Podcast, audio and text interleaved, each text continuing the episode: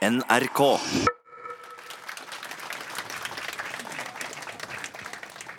Ja, Da ønsker jeg eh, hjertelig velkommen til paneldebatt eh, fra Grønn Fjord-konferansen om bord på eh, hybridbåten Vision of the Fjords, som nå er underveis fra Ålesund til verdensarven i Geirangerfjorden.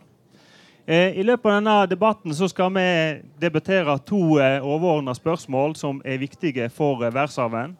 Det første vi skal diskutere, det handler om hvordan vi kan bruke de unike verdensarvfjordene som utstillingsvinduer for grønn teknologi og en bærekraftig nærings- og samfunnsutvikling.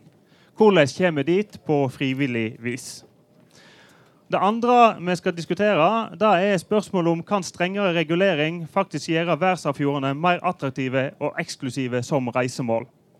Kan slik, eh, gi, slik politikk gi god business og lokal verdiskaping i verdensarvområdene? Og Til å drøfte dette her, så har vi et eh, flott panel som jeg eh, nå skal presentere. Vi har da eh, statssekretær eh, Atle Hamar. Vi har eh, Jan Kjetil Pausen, som er seniorrådgiver fra Bellona. Vi har Arne Sandnes, som er ordfører og leder i verdensarvrådet. Vi har Jenny Følling, som er fylkesordfører i Sogn og Fjordane. Vi har Arnfinn Ingjerd, som er daglig leder i Maritimt Forum Nordvest. Vi har Kristin Krohn Devold, som er administrerende direktør i NHO Reiseliv. Vi har Hans Jakob Valnum, som er forsker ved Vestlandsforskning. Vi har Kåre Nerem, som er konstruksjonssjef Fiskerstrand Verft. Og vi har Rita Bertha Merok, som er havnesjef Stranda havnevesen. Og Enkelte av disse eh, har fått en ekstra utfordring, nemlig å starte det hele med noen miniappeller. Og Den første som skal komme med sin miniappell, det er Arne Sandnes, som er ordfører i Norddal. Og Hva er dine synspunkt på disse utfordringene, Arne? Ja, det er slik at Utviklinga skjer i rasende fart. Og eh, veldig mye av det som skjer, det er veldig positivt. Men i et lengre tidsperspektiv så må, eh, så må all, all, utvikling skje innenfor naturen sine tålegrenser. Og da er stikkordet bærekraftig utvikling. Og mer spesifikt bærekraftig både innenfor miljø, det miljømessige, økonomisk og ikke minst sosialt. Hvis han forsøker å sette ord på dette, her, så betyr det i praksis i dette tilfellet at mer av verdiskapinga må ligge igjen eh, der ressursene er tatt ut. Og Dette er for å sikre en fast og stabil bosetting i områdene. Eh, videre så må det utvikles parallelt med dette her miljøvennlig teknologi, eh, som da er med på å, å redusere forurensninga. Og Der må vi selvfølgelig ha næringslivet med på laget, slik som vi uh, har sett nå. Samspillet mellom det offentlige og det private. Det må innføres uh, reguleringer juridisk, fysisk og økonomisk. Det ene eller alle. Når det blir spørsmål om dette kan skje frivillig, så er mitt svar at alt som blir bestemt i demokratiske kanaler, det er frivillig. Slik tolker jeg det. Og jeg kan ikke se med den veksten det er i internasjonal turisme i dag, at det er mulig å unngå reguleringer på denne måten. Vi må da bruke verdensarvfjordene som utstillingsvindu. Og eh, vi må da tillate prøving og feiling. Vi må ha en FoU-strategi som verdensarvrådet har utvikla. Og vi må satse på å utvikle piloter der vi tester ut eh, mekanismer og strategier. Når vi velger verdensarvområder til dette, her, så er grunnen tredelt. Det ene er at dette er de viktigste områdene i Norge og på kloden.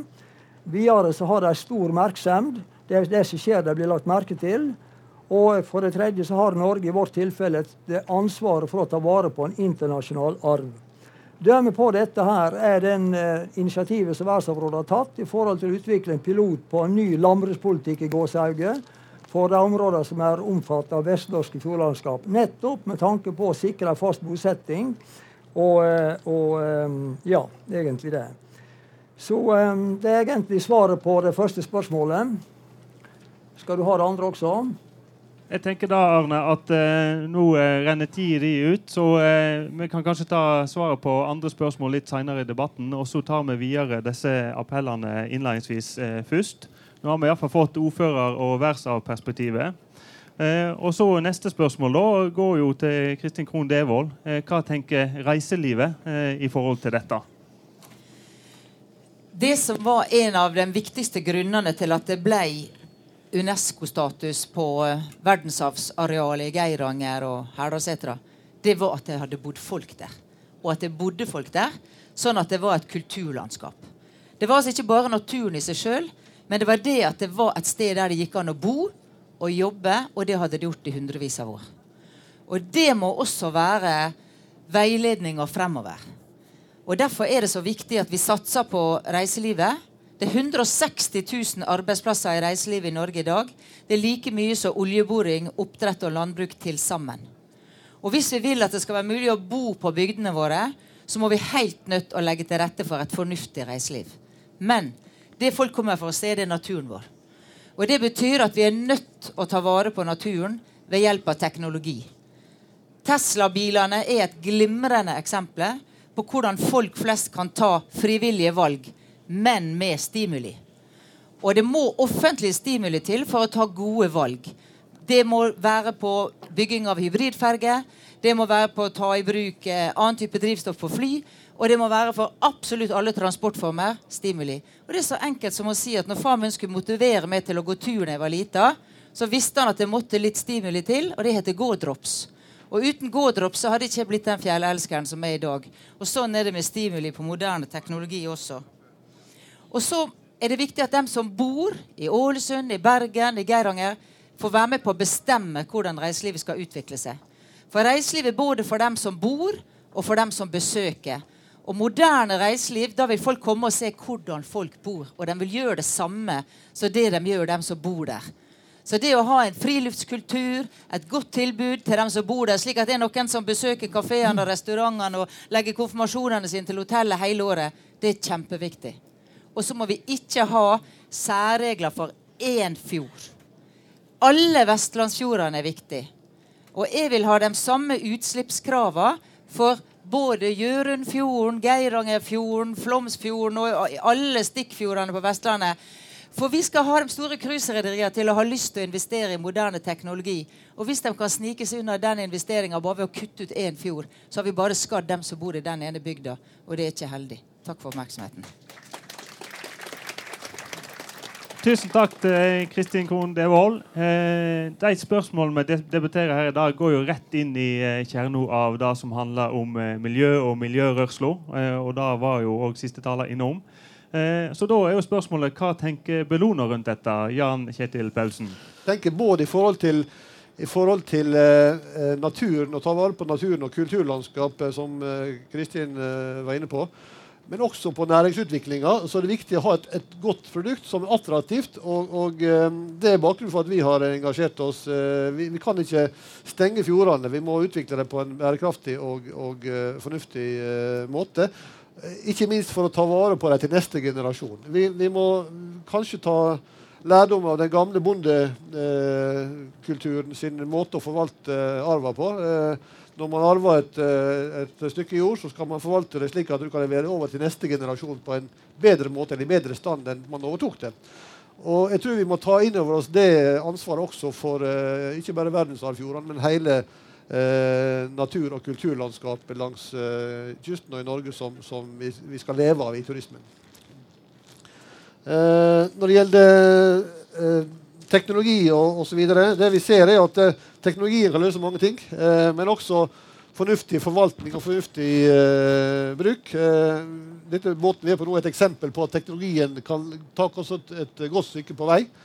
Men det er, også, det er ikke bare skipstrafikken som er utfordringa, men også biltrafikken og, det som skjer på landeveien. Og, vi ser at landbasert transport kanskje blir eh, nullutslipp mye raskere enn skipstrafikken. Uh, I løpet av fem til seks, sju år så, så er det mulig å, å, erstatte alle biler og, og lastebiler og, og, busser med nullutslippsløsninger. Mens et skip som blir bygd i dag, det skal vare i 30 år.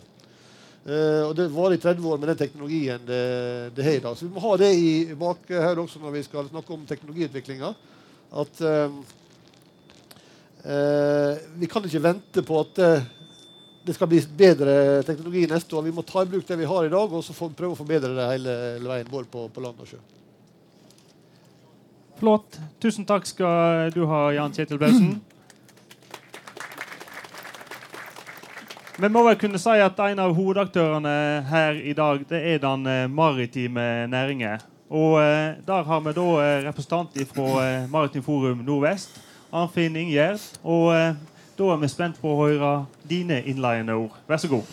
Ja, takk for det. Eh, hvis vi vil ha en ren skipsfart, en grønn skipsfart, inn og ut av fjordene våre, så kan det løses med politisk mot.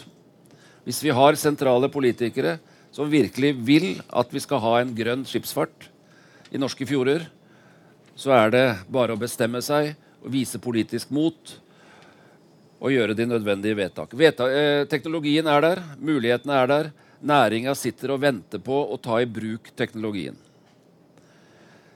John F. Kennedy sa i 61 at uh, i løpet av 60-tallet så skulle det landsettes uh, en, en, person på månen og komme trygt hjem igjen. Åtte år etterpå landa Apollo 11 på månen, og mannskapet kom trygt hjem igjen.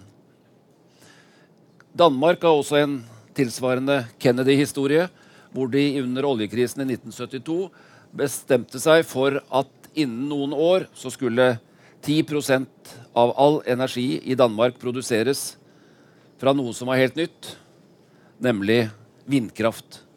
I dag er Danmark verdensledende på vindkraft, har en global industri på det. Og nå har de nylig gjort vedtak om at 50% av all energi i 2020 skal komme fra vindkraft. Og i 2035 skal 84% komme fra vindkraft. Det er politisk mot. Så Norge bør gjøre som Kennedy og som danskene og si at innen f.eks. 2024 så skal alle skip som går i fjordene våre, og som jeg har sagt tidligere her, i alle fjordene, ikke bare verdensarvfjordene, eh, være utslippsfrie. Vi har teknologien, vi har kompetansen. Det er bare å bestemme seg. Så jeg utfordrer eh, altså representanten fra regjeringa her å komme opp med et eh, vedtak hvor vi sier at i 2025 skal all skipstrafikk i fjordene være grønn. Ferjene er i ferd med å komme dit. 1.4 så kommer en helt ren eh, hurtigbåt fra The Fjords og Brødrene Aa. Helt fantastisk. La oss fortsette på den linja, og at i 2025 så er alt grønt inn og ut av fjordene våre. Takk.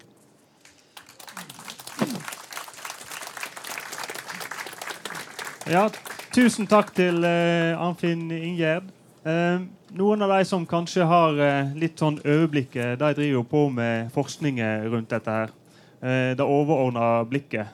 og Hvordan ser dette her ut ifra Vestlandsforskning, Hans Jakob Valnum? Ja, vi har gjort sterke nasjonale forpliktelser gjennom Parisavtalen. Vi har klimaforpliktelser som går på at vi skal kutte klimagassutslippene med 40% innen 2030. Vi skal få ned klimagassutslippene fra transport i størrelsesorden 50% innen 2030. Og her kan jo verdensarvfjordene spille en viktig rolle som et utstillingsvindu for grønn teknologi. Og det ene sporet vi kan komme dit på, det er å, å, ha, å følge sporet i forhold til teknologien. Og Der har vi en sterk norsk maritim sektor som, ligger, som er verdensledende og kan være med på å bidra eh, for grønne løsninger som vil ha innvirkning på eh, skipsfart globalt sett. Så det bør vi eh, satse på.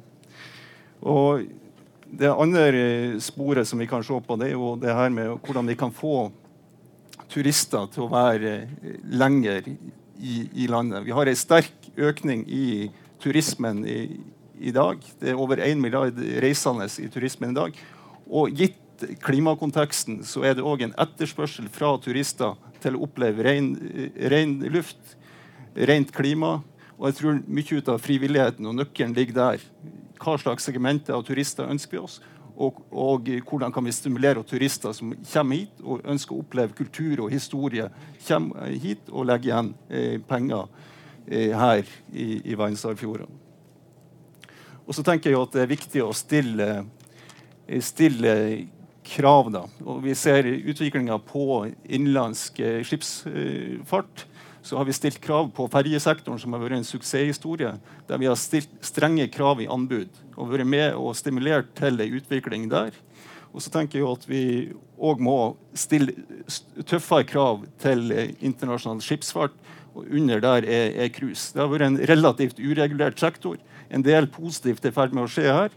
Eh, det er nevnt eh, et eksempel her med at man stiller noen krav her i i forhold til verdensarvfjorden, i forhold til å kutte NOx og svovelutslipp. Men vi må vi må òg stille tøffere krav til, til cruiseindustrien. Og vi må også tenke på antallet turister, antall cruiseturister som vi ønsker oss inn fjordene.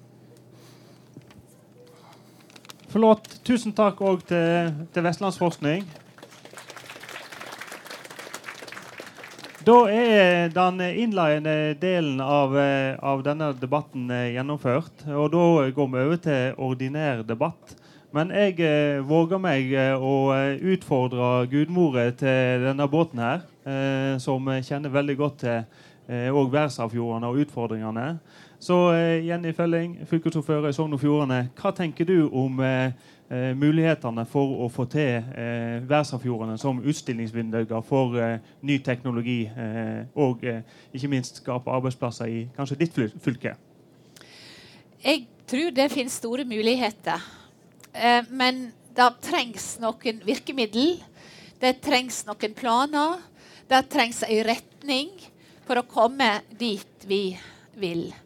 Og på dette skipet som vi sitter i dag, så jeg var så heldig å få lov å være gudmor, og jeg er fryktelig stolt av det. Eh, så tenker jeg at dette er et utstillingsvindu for hvordan vi kan eh, syne fram verdensarvfjordene våre. Enten det er i Flåm, Geiranger eller andre plasser. Eh, for det er noen som må gå foran. Det er noen som må ta risikoen, utviklingskostnadene, for at vi skal få opp eh, et sånt skip som dette. Utvikle en sånn teknologi og gå videre. Eh, og, og, og, da tror jeg det trengs noen justeringer på virkemiddel. Eh, for at de skal bli treffsikre. Og så er jeg sikker på at eh, næringa er klar. Næringa er klar, og teknologien er klar til å bygge dette når det er økonomi, når noen kan betale. Og jeg tenker at eh, Fylkeskommunene har et veldig viktig ansvar. Og vi, De fire fylkeskommunene på vestlandskysten, altså Møre og Romsdal, Sogn og Fjordane, Hordaland og Rogaland, vi er i ferd med å utarbeide en cruisestrategi og Der har vi to hovedstrategier. Det ene er hvordan får vi gjort noe med miljø, klima og utslipp. Og det andre er hvordan får vi økt verdiskaping på land. Fordi at det bor noen folk der som skal leve og bo, og det er en del av attraksjonen i verdensarvområdet. Og så er det noen som sier at ja, denne, dette er for uklart, det er for lite konkrete virkemiddel. Og så er det noen som sier dette er altfor strengt hvis du skal til med restriksjoner. Legg denne vekk. Og jeg tror ikke vi skal legge den vekk. Jeg tror vi skal få inn høringsutspill, jobbe med konkrete tiltak som kan virke for denne store destinasjonen som cruisetrafikk er på hele Vestlandet. For eh, i prognosene så, så skal cruisetrafikken være dobla innen 2040. Og Da står det veldig klart for mange at eh, her må vi gjøre noe. Og kanskje hvordan vi trafikkerer verdensarvområdet vårt. Hvor kanskje vi sprayer trafikken. Og hvordan vi skal gjøre dette på en bærekraftig måte, sånn at vi ikke ødelegger disse naturperlene våre. Men jeg tror det er absolutt mulighet, men det trengs en retning og en plan for det. Og ikke minst virkemiddel. Eh, tusen takk for det, eh, Jenny. Du eh, er jo inne på at eh, næringen eh, er klar. Eh, og kanskje vi skal høre med næringen eh, sjøl, da. Og eh, Kåre Nerheim, du er konsesjonssjef Fiskestrand verft. Eh, hva tenker du om de utfordringene vi nå har eh, fått, og som òg fylkesordføreren eh, presenterer her? Nei, vi fra, fra Fiskestrand verft vi føler at næringa er klar. Og, og som det blir sagt, vi må ha noen økonomiske rammer for å få det her eh, til. Men på eh, Fiskestrand verft har vi i alle fall i lengre tid hatt eh, klart fokus på miljøvennlige fartøy. Og vi har levert eh, seks LNG-fartøy, vi har levert biodiesel og ulike hybride løsninger, på, eh, først og fremst på fergen. Og for knapt tre år siden så fikk vi et, eh, var vi heldige og fikk, et, eh, fikk støtte gjennom en pilot-E-ordning, som er en ordning fra Forskningsrådet, Innovasjon Norge og Enova på økonomisk støtte. Og vi er godt i gang med et eh, fergeprosjekt for, for hydrogen sammen med batteri, altså hybridløsning.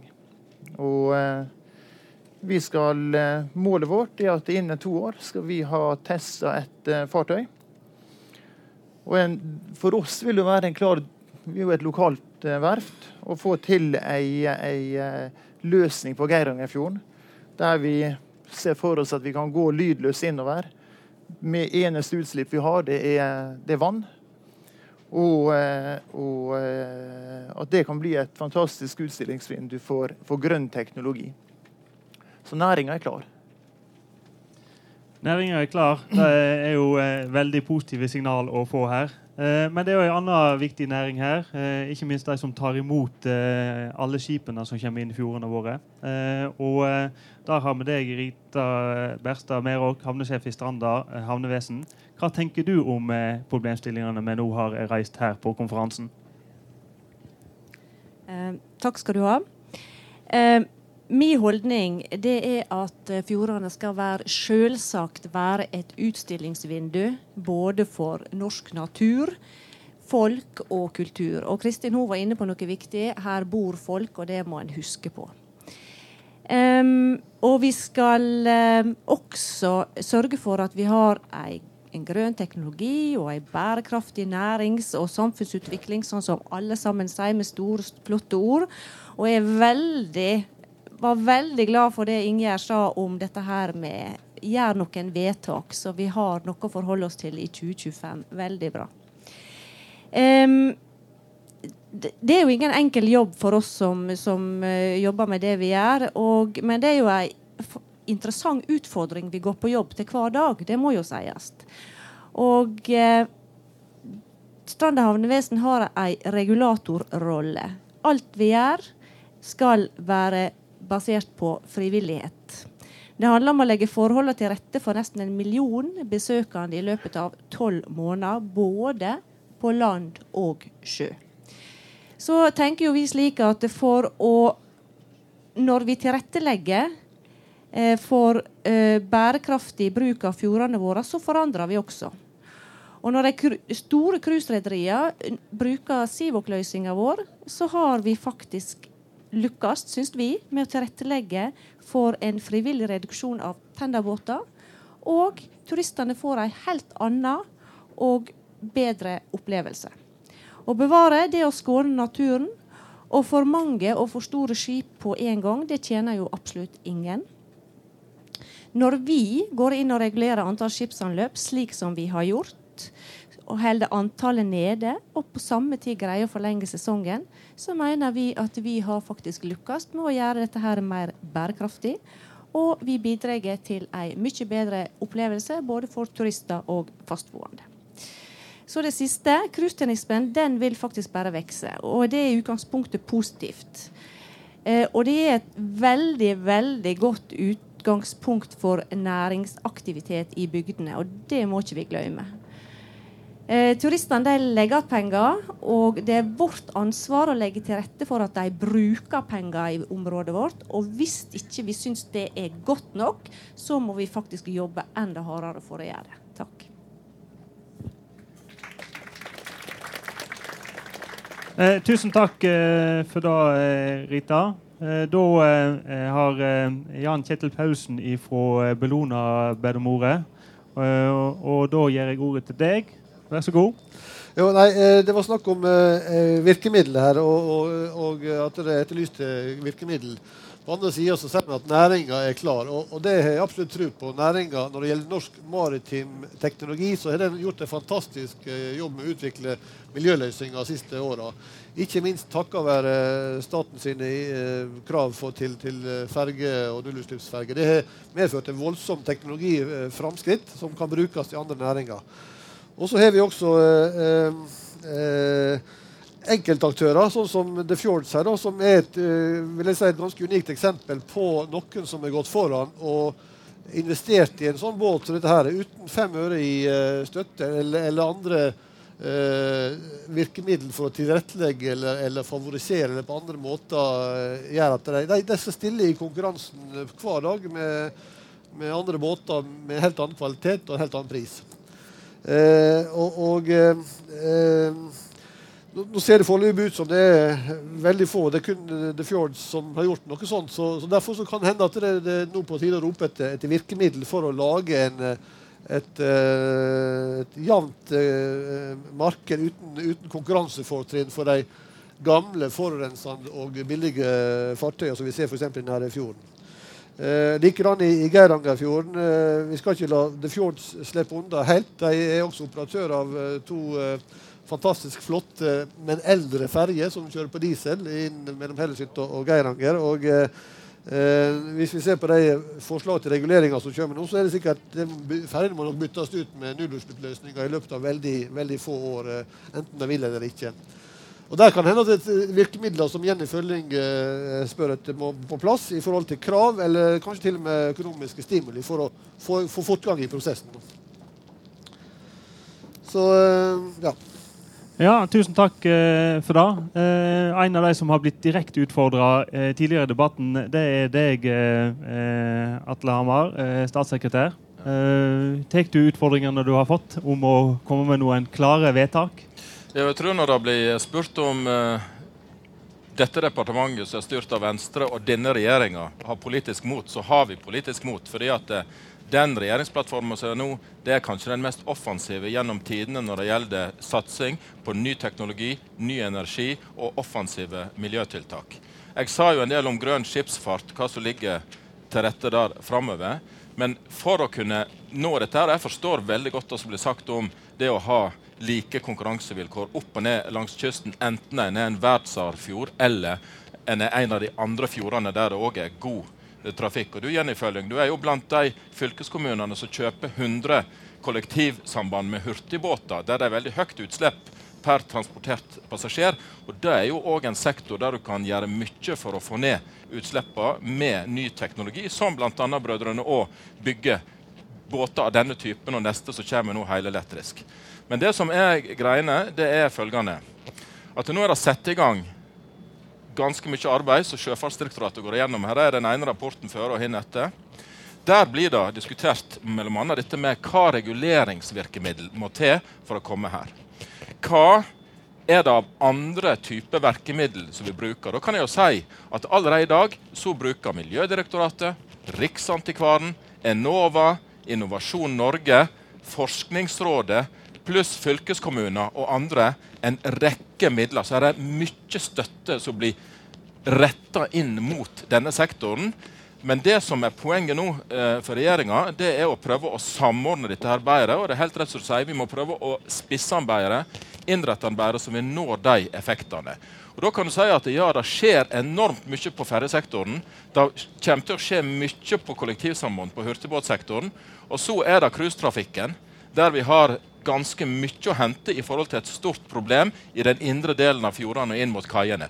Og Det er vi nødt til å løse hvis disse verdensarvfjordene skal være et miljøfyrtårn. Så det skal være internasjonalt. Det er som flere har sagt, det er vårt fremste utstillingsvindu, og da må vi ha en god miljøforvaltning der.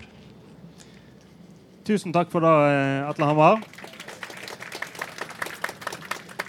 Eh, nå lytter du til paneldebatten fra Grønn Fjord-konferansen om bord på hybridbåten Vision of the Fjords. Og Vi er altså på vei nå fra Ålesund og inn til Geiranger. Eh, og Vi har til nå eh, diskutert overordna tema knytta til Grønn fjord. Eh, hva er framtida for verdensarven vår? Og vi har annet fått uh, fram to viktige aspekt. Det ene handler om uh, teknologi og det vi kan kalle for teknologioptimisme og mulighetene som ligger i næringen. Og det andre som uh, vi hører at paneldeltakerne har klare meninger om, det er hvor stramt du skal regulere eller ikke. Så det er det vi skal fortsette å diskutere nå. Og først så skal vi gi en replikk til Arnfinn Ingjerd på eh, statssekretæren sin, eh, eh, sitt siste innlegg. Vær så god. Ja, takk for det. Eh, statssekretæren snakker jo som en politiker. I den forstand I den forstand at, eh, at uh, du trekker fram alt det positive som regjeringa gjør i forhold til denne saken om det grønne skiftet. Og det er mye å trekke fram, og det står veldig mye positivt i regjeringsplattformen. Og når du gjør det, så svarer du egentlig ikke helt på den utfordringen jeg stiller. Nemlig at cruisetrafikken og all annen skipstrafikk inn og ut av norske fjorder innen 2025 skal bli utslippsfri. Og det er da det kommer til politisk mot. Kan din regjering, eller du som statssekretær, ta den utfordringen og gjøre et slikt vedtak som ville sette fart i den utviklingen som alle her er uh, enige om, at vi vil ha grønn skipsfart. Vil du ta den utfordringen, eller vil du snakke om noe annet? OK, la, men la det henge ja, skal, jeg få lov, skal jeg få lov å svare du, helt kort? Men, men la, det, la, det, henge litt, grann, ja. så ikke det blir en polemikk bare mellom dere to. Så skal du eh, Atle Hamar, få lov å få ordet om ikke lenge. Men det er flere som har bedt om ordet i panelet. Og eh, Kristin Krohn Devold, hva tenker du eh, ut ifra det du hører nå, og de utfordringene som eh, og de andre paneldeltakerne nå legger på bordet? I forlengelsen av den debatten som har vært på sida mi her, så må jeg si at vi må ikke alltid gå rett på regulering og ikke på stimuli når vi snakker om hvordan en ting skal løses.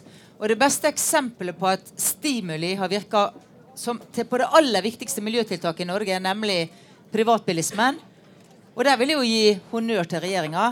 Det at 50% av alle biler som kjøpes nå, er elbiler eller hybridbiler, det er av én grunn stimuli. Fordi at Tesla og Elon Musk han hadde funnet opp denne her eh, bilen lenge før, men kom med disse stimuliene. Og det var relativt lavt salg av den bilen rundt i verden. Nå har vi høyest Tesla-tettest i verden i Norge fordi noen kom med økonomiske stimuli, slik at det ble lønnsomt å kjøpe den bilen. Og Det er derfor vi har sett Elon Musk sende rakett på vei til Mars. Lenge, det er ikke lenger snakk om Kennedy og månen. Nå er det snakk om Mars. Og det er en Tesla-bil som er på vei opp dit. Og den er på vei opp dit fordi NASA etterspurte en tjeneste og fordi NASA inngikk en avtale med Elon Musk slik at det var lønnsomt. Så på samme måte som man egentlig nå er i ferd med å løse privatbilismen, så må vi ta yrkesbiler, lastebiler, busser, ferger og det som er vanskeligst, og som kommer sist, er fly. Men vi må begynne der vi kan. Og da er ikke det bare å komme med forbudslinje, men vi må også over på stimuli. For da går det mye fortere, og det har dette privatbileksempelet bevist. Og så er det ett poeng til. Når vi snakker om hvor mange turister skal man ta i Geiranger, og hvor mange turister skal man ta Det må ingen nede i Oslo sitte og bestemme. Det er dem som bor i Geiranger, det er kommunen stranda Geiranger som må få bestemme hvor mange turister de har det trivelig med å ha. Og det er Bergen, sånn som de har gjort i Bergen Cruiseplan, som må få lov å bestemme hva som er riktig turisttrykk i Bergen. Og så må, gjøre, må, de gjøre det samme i Ålesund osv. Så, videre. så her må man skille mellom hva som må lokalt bestemmes og forankres, og hva som må nasjonalt bestemmes og forankres. Og på det siste der er det stimuli til at alle disse flotte bedriftene som har laga teknologien, også får solgt teknologien sin. Ja, tusen takk for det. Eh, det var eh, reiselivet, og det var egentlig en rett invitasjon, invitasjon til eh, kommunene, Arne. Eh, du er ordfører eh, i Norddal. Ja. Eh, er det du som skal bestemme dette? Det skal vi nå delvis være med på å bestemme, men jeg tror at det er staten i, i hovedsak som må legge de ytre rammene. Det jeg ba mor om, det var eh, noe helt annet. Jeg føler at dette blir en eh, debatt eh, veldig retta mot reiseliv. og Det er en kjempeviktig næring som vokser eksponentielt. Men samtidig, som Kristin Krohn tar opp innledningsvis, eh, grunnen til at vi fikk verdensarven, en viktig faktor, var faktisk at det var faren til folk i terrenget. De historiske sporene var veldig avgjørende for at vi fikk eh, statusen så vet vi at da er det viktig at det bor folk, også fortsatt. Og det som er situasjonen nå i dette området, er at folketallet går ganske bratt nedover. Så vidt jeg vet, bare i Geiranger nå så er tallet på skoleunger blitt nesten halvert, ikke halvert, men drastisk redusert de ti åra, siste ti åra. På tross av en veldig vekst i turisttrafikken. Så mitt poeng er at også andre næringer må, må stimuleres. Og jeg tenker spesielt på landbruket, som er hovednæringa alltid vært der og har naturgitte fortrinn. Og Hvis man snakker om eh, bærekraftig utvikling, så må vi ha en annen type landbruk enn vi har i dag. For det er på en måte et uh, rasjonaliseringslandbruk som på en måte ikke setter spor, og som på en måte ikke greier å rekruttere folk innad i næringa. Så nettopp det jeg sa i stad, hvis vi skal satse på uh, faste arbeidsplasser hele året i dette området, så må vi tenke litt annet enn bare, bare reiseliv. Så litt fokus på landbruket tror jeg er veldig viktig, og det er veldig underkommunisert i den debatten vi har. Takk. Ja, takk for det, Arne. Det, det er jo en eh, flott debatt vi har her. Eh, og eh, det er ivrige debattdeltakere. Eh, nå har Jenny Følling bedt om ordet. Det skal du få. Eh, vær så god. Jeg eh, har lyst til å respondere litt til, til Atle Hamar, som representerer regjeringa og stortingsmiljøet her. Fordi at vi, vi blir altså det blir veldig viktige for oss, fordi at de legger noen rammer. Det gjelder insentiv, og det kan gjelde restriksjoner. Og jeg har lyst til å dra et eksempel. Ja, hvorfor har vi fått den raske omlegginga på ferjesektoren? Jo, det var fordi at Stortinget satte et mål om null- og lavutslipp. Statens vegvesen starta å bestille de ferjene. Fylkeskommunene bestiller de ferjene. Det koster oss ganske mye, så vi kommer til å be om penger til å dekke det, selvsagt. Men vi tar miljøansvar. Det er en og det er på en måte sånn jeg tror en er nødt til å gjøre det inn i cruisenæringa òg. Du, du, må legge noen restriksjoner, og jeg er enig i at det må gjelde for alle. Fordi at Cruisenæringa trafikkerer ikke bare verdensarvfjordene. De trafikkerer òg de andre fjordene. Så det, det, må på en måte være, Og så må en stimulere til eh, målretta utvikling.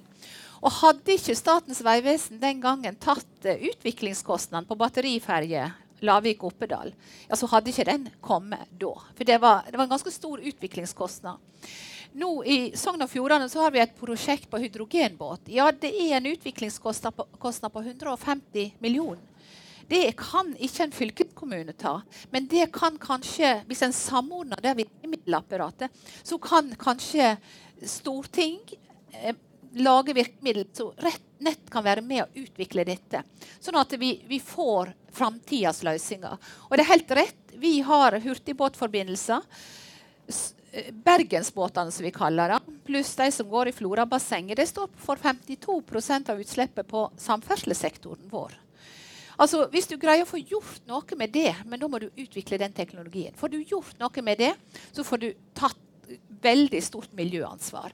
Så, så det er noen sånne veldig målretta grep som må takes. Og der eh, blir vi veldig avhengig av det som blir bestemt nasjonalt. Men får en rett innretning, så kan en få veldig rask fart på denne utviklinga. Ja, tusen takk, eh, Jenny. Eh, det er jo sånn her da at eh, du Atle Hammer, har fått flere utfordringer. Du har til og med blitt beskyldt for å snakke som en politiker. Og Det tenker jeg vi skal være glad for. Det er tross alt det du er. Eh, men eh, utfordringene knytta til regelverk, til satsing, til at det skal være konkret, og at en òg stiller opp side ved side ved andre forvaltningsnivå. Er dere klare til det? Ja, det er jo nettopp det regjeringen er klare til. fordi at Den har jo innarbeidet ganske offensive tiltak i Jeløya-plattformen. Så er vi tre uker inn i den nye regjeringsperioden, så vi får ikke gjort alt på en gang. Det er jo det første jeg vil si. Men altså først dette her med politisk mot og 2025. Ja, I 2025 så skal jo alle nye biler være utslippsfri. Så den målsettingen er jo satt. Så jobber en med sektorer. En jobber med supplybåter, en jobber med ferjer, som det er sagt. En jobber med hurtigbåtsamband, en jobber med bygg og anlegg. Sant? Der er dialoger med flere bransjer i forhold til å transformere fossilt eh, brennstoff til utslippsfri energi. Og der, eh, der, blir det brukt altså Jeg, jeg ramser opp en hel, hel, rekke kilder som bruker store penger inn mot sektorene. Men det er jo i gode spleiselag, Jenny. Det er jo der òg næringslivet spleiser, staten spleiser, fylker spleiser litt. Kommunene er aktive medspillere inn. Og sånn må det være. I Norge skal vi greie å løse dette her. Og det er nettopp det vi legger til grunn til. Og så kan jeg si følgende. Jeg kommer nå og har eh, statsministers kontor i ryggen og Finansdepartementet. og Da vet jeg at da er det mulig å få til mye. Jeg kommer til å ta et initiativ der Klima- og miljødepartementet prøver å koordinere alt det som skjer på hydrogensatsing. For det skjer sektorvis i dag. Og det er flotte initiativ. Det er kjempedrive ut der ute. Men å prøve å løfte dette opp på å samordne det til en mer sånn hydrogen plattform som er nasjonal, som ikke bare handler om transport, men òg hvordan kan du bruke dette her inn i bygg, industri osv. Dette med lagring jeg tykker det var kjempespennende dette med PowerDoc som ble presentert her når det gjelder elferje. Men eh, til slutt så vil jeg også legge til, sånn som Kristin er inne på dette her med stimuli, så er det klart at eh, det eksempelet vi har med elbilene om at avgiftssystemet virker, det er jo et godt eksempel. Og Det er jo der vi må ha runden uh, som departement med Finansdepartementet, så alle regjeringer må ha. enten de har ene eller andre fargen. Det er Greier vi å innrette avgiftssystemet sånn at du oppnår de effektene at du får en uttelling, f.eks. på cruiseskip, f.eks. på ferjene. Og Da snakker vi om at eh, jeg tror ikke vi har så store problemer når vi kommer fram der om ikke så lenge, at vi kan vedta miljøsone i de indre leiene til å begynne med, og så får vi ta hele det store bildet opp og ned langs fjorden. Jeg tror det er viktig Jeg tror det er viktig at vi løser verdensarvfjordene først, fordi at det er våre fremste utstillingsvindu. Og Det er Geiranger og det er Nørøy. Og vi kan ikke ha dager der det er smog liggende inn i fjorden, når dette her er våre fyrtårn.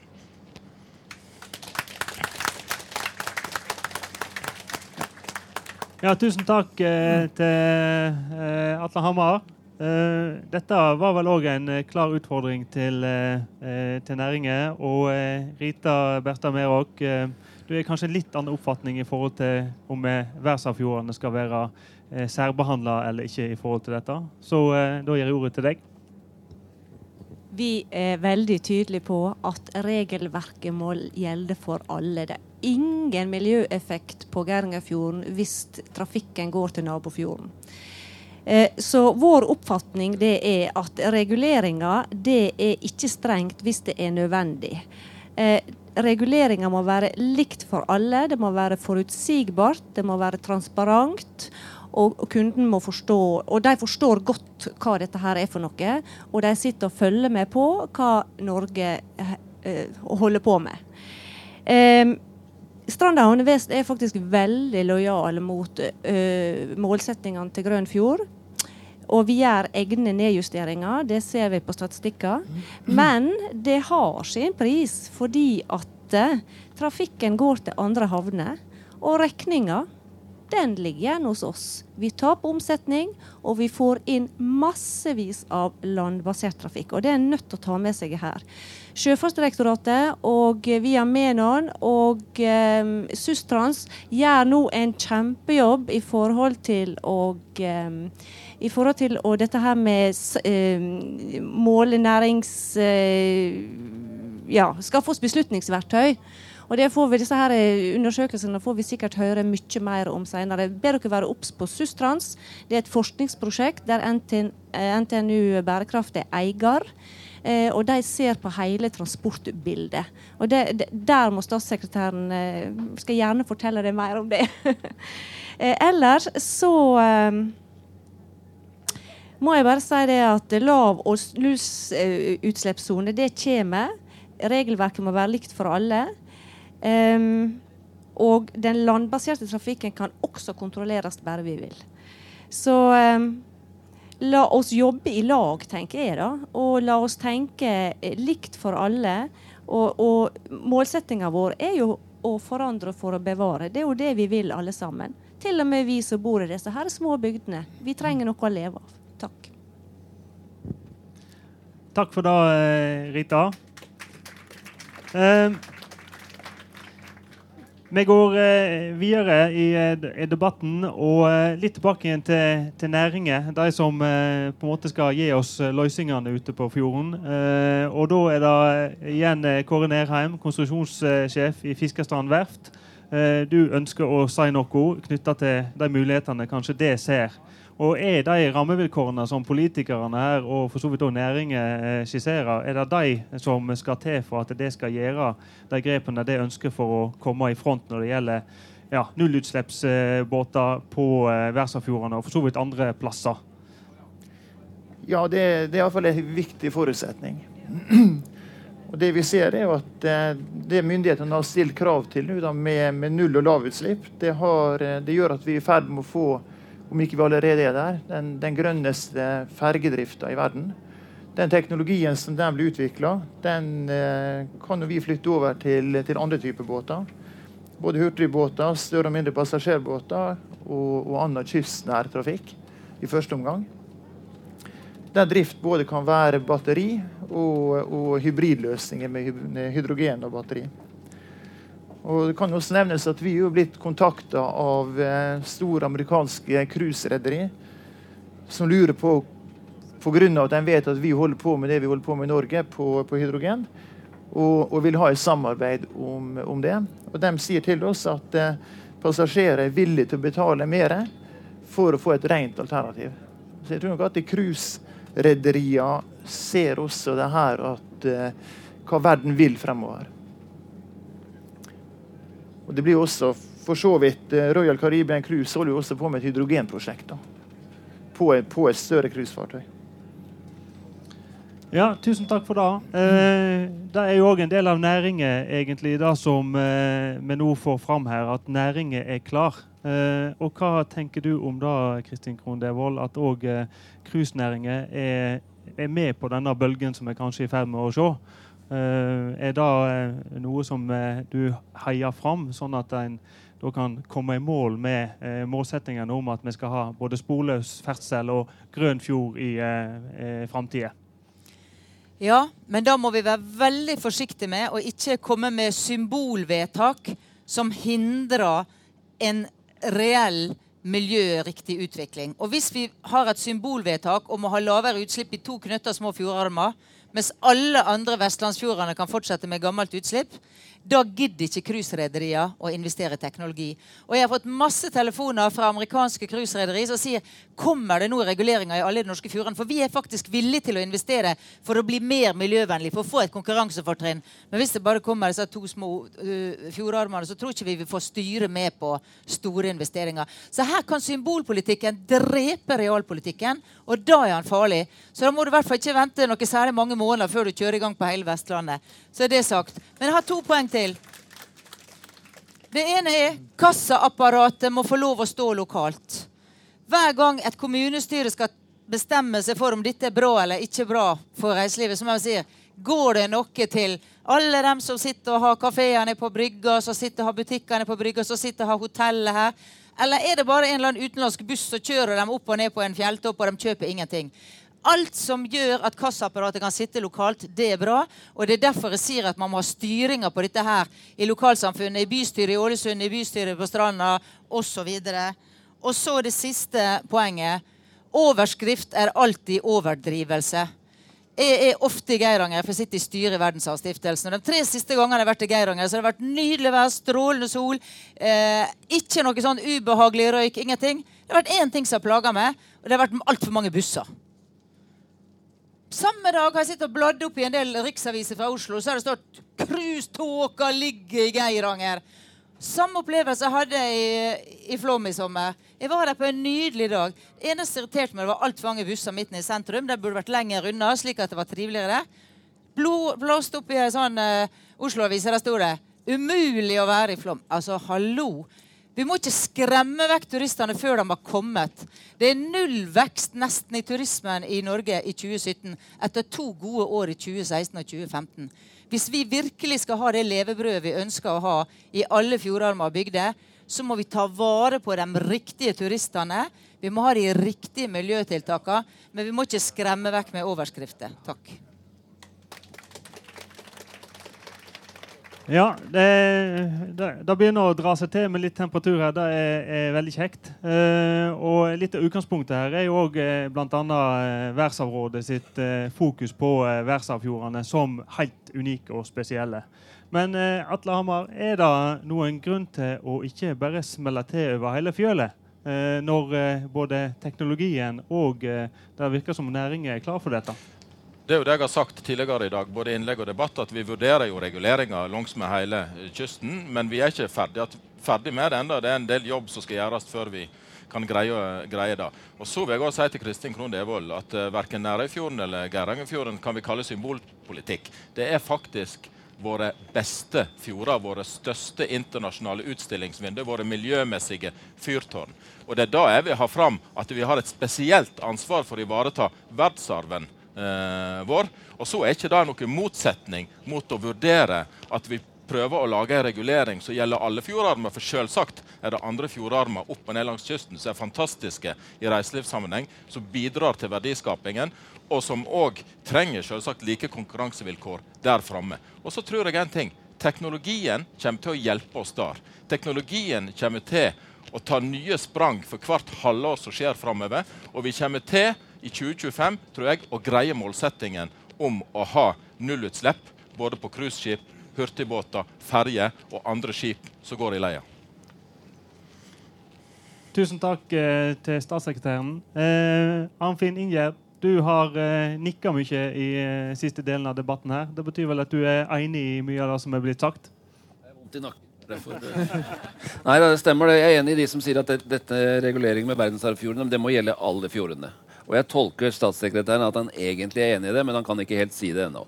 Og han, han, er også enig i min eh, et ønske om å få en grønn, rein, utslippsfri skipstrafikk ut og inn av alle fjorder. Han kan ikke si 2025, sånn som jeg gjør, for han sitter der han sitter.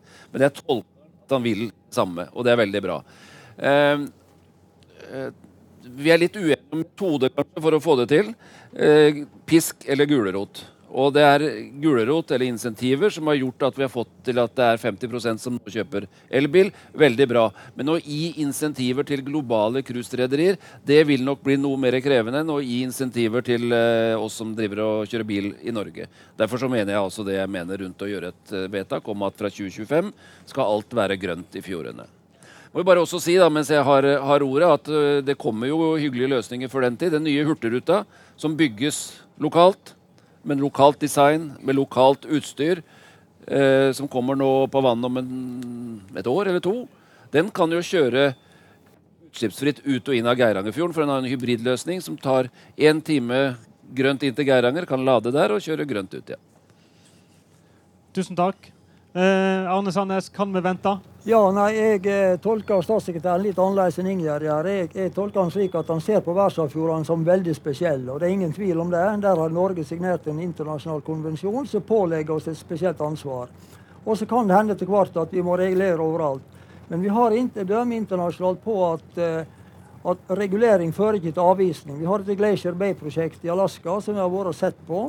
Og så vidt jeg vet, så står cruiserederiene i kø der for å få besøke det verdensarvstedet der.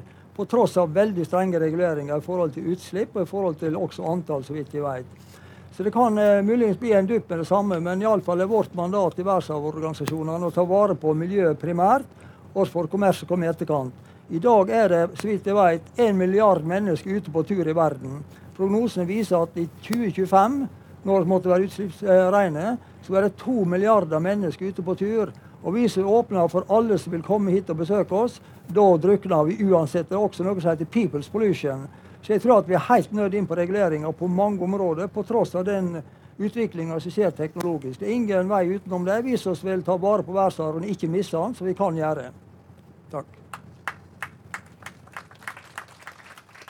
Ja, Verdensarven og verdensarvfarno det er jo eh, det som er ramma for eh, hele denne debatten. Eh, og det er òg eh, ramma for der cruisebåtene til eh, Rita Merok òg går. Hva tenker du om eh, din gode nabo og kollega sin synspunkt? Beklager, Arne, jeg er ikke enig. Eh, eh, som jeg sa i stad, regelverk og reguleringer det er nødt til å være likt for alle, sånn som mange tar til orde for her. For hvis ikke, så, så blir det store. Og punkt nummer to. Eh, Cruiserederier de er jo endringsvillige som, som bare juling, de. Vi snakker med dem. Altså, de står klar. De, de gjør det vi ber dem om. De følger regelverket. Punkt nummer tre. Omdømmebygging. Det er faktisk den største eh, utfordringer vi har i dag. Litt det som Kristin var inne på. Jeg skal ikke gjenta det, men det er faktisk det verste eller største utfordringa vi har. Så det siste, eh, dette her med virkemiddelapparatet. Noen av dere var inne på det tidligere. Det tror jeg må endres litt på. Jeg, tror, jeg lurer på om eh, kollegaen min i Bergen, cruisedirektøren der, eh, var i media for noe siden om dette her med, med tilskudd til, til. Sånne ting. Ja, takk. Eh, tusen takk eh, for det, eh, Rita. Da eh, fikk du eh, siste ord i debatten. Nå har vi, har vi runda rundt. Og eh, prøve å oppsummere litt, så har vi i hvert fall fått fram den store spenningen som er mellom skal vi regulere eller ikke. Og så ligger det òg en spenning her knytta til hva status eh, ikke minst verdensarvfjordene skal ha i forhold til de andre områdene som, eh, som vi har eh, langs kysten, som òg er attraktive for turister og, og besøkere. Hvis vi skal prøve å trekke fram kanskje det som gjør at vi kan få litt sånn framtidstru og framtidsvon, så vil jo jeg trekke fram det som er blitt sagt om teknologi og teknologisk utvikling. De mulighetene som er. Eh, og ikke minst da at vi nå er midt eh, eller bord i en båt som nettopp er et døme på hvordan denne utviklinga har vært de senere årene. Og at eh, med den farten utviklinga har hatt de siste, siste årene, så går vi nok mot grønn fjord. Vi går mot sporløs ferdsel. Og eh, Jeg har vel heller ikke noe inntrykk av at det er noen som er imot det, men at det skal skje på en måte som vi kan eh, eh leve med, både næring og innbyggere i områdene våre. Jeg har lyst til å få takke alle som har vært publikum her i dag. Det har vært stort og flott engasjement for dere. Og så må jeg òg selvsagt få takke alle dere i panelet som har gjort en eh, flott innsats. Takk for eh, eh gode innspill. Og eh, eh, så ønsker vi oss lykke til videre med Grønn Fjord-arbeidet.